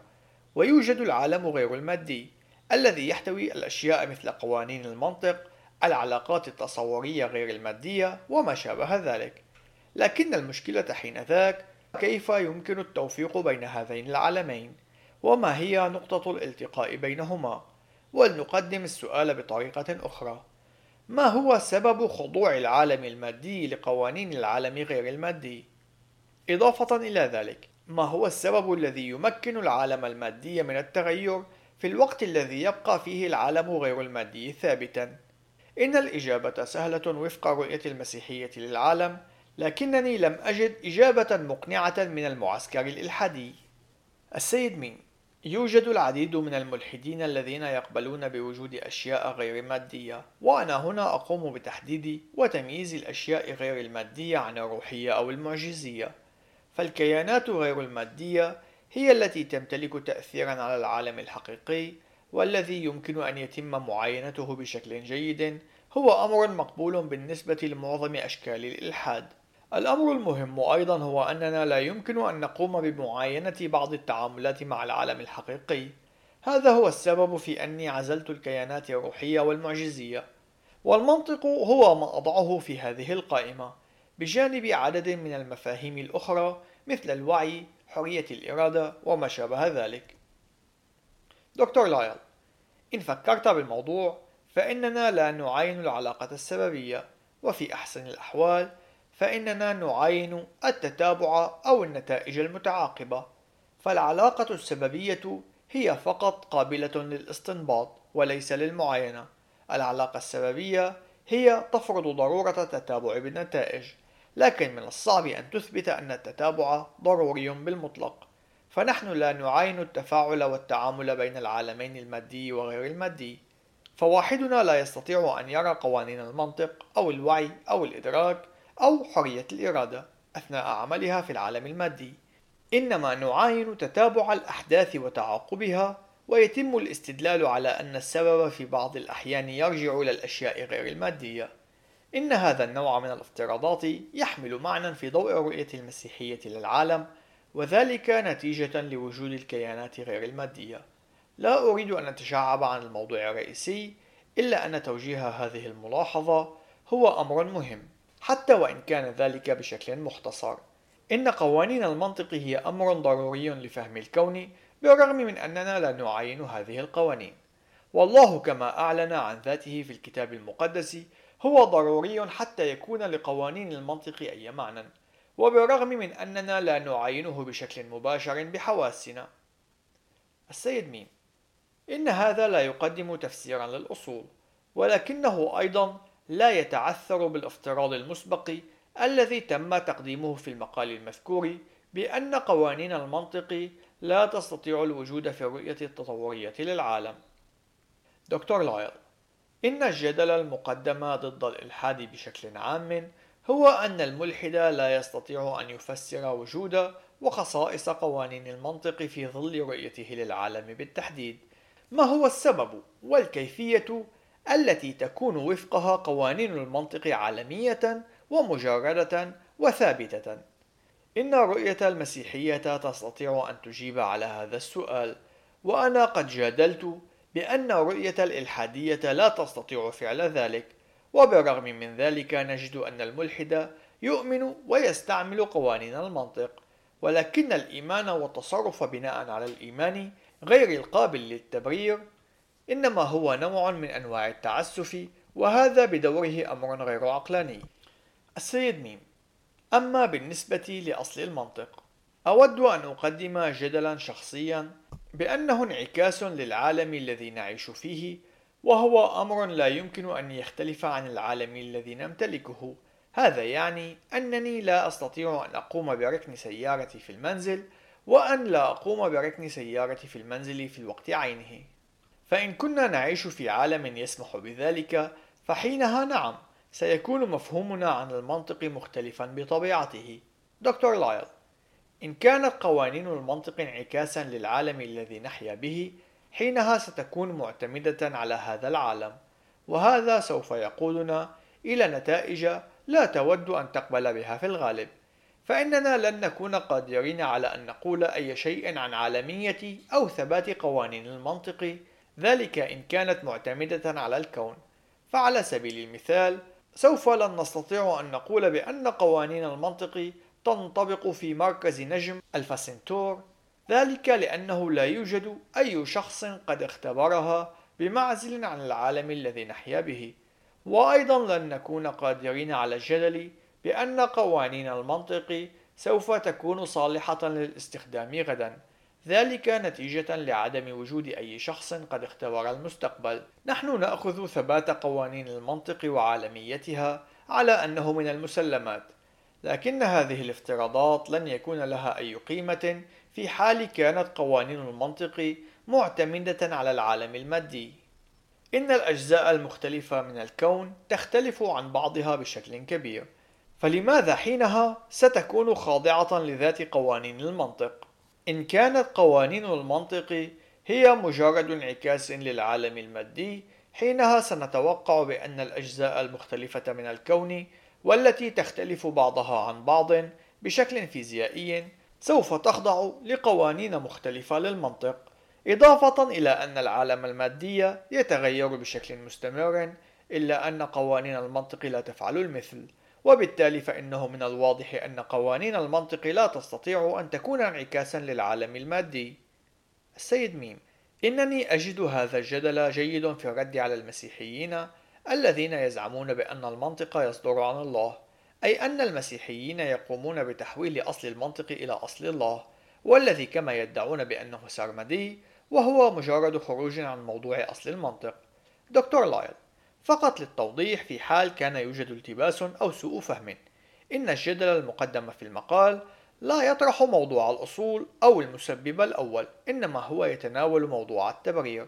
أي من الرؤى للعالم تستطيع أن تقدم معنى لقوانين المنطق. السيد ميم. فالتطوري يستطيع أن يقوم بتقديم سلسلة من الادعاءات بحيث أنه يقول بأن الكون هو أزلي وبأن قوانين المنطق مرتبطة به بشكل مباشر أي أن يقوم بالهروب بطريقة مشابهة. دكتور لايل مرة أخرى إن الجدل هو حول التبرير وليس الأصل. أنا أؤمن بأن قوانين المنطق هي أزلية لأنها انعكاس لفكر الله السرمدي. إلا أن هذه القوانين تحتاج لتبرير في حال أردنا أن نقوم باستخدامها. فالنقطة الرئيسية هي كيف للشخص أن يمتلك قوانين منطق ثابتة ومطلقة وكونية في الكون الإلحادي سيد ميم أنا أقدر أن عددا كبيرا من المسيحيين سوف لن يوافقوا مع نقد القصير نسبيا لتفسيرهم لأصل المنطق لكني أريد فقط أن أظهر لهم أن تفسيرهم ليس أفضل من تفسير الملحدين الذي لن يكون بالضرورة أفضل من الآخر. نقطة إضافية. اقتباس وحده الإله الذي أعلن عن ذاته في الكتاب المقدس يشكل الأساس للمعرفة نهاية الاقتباس.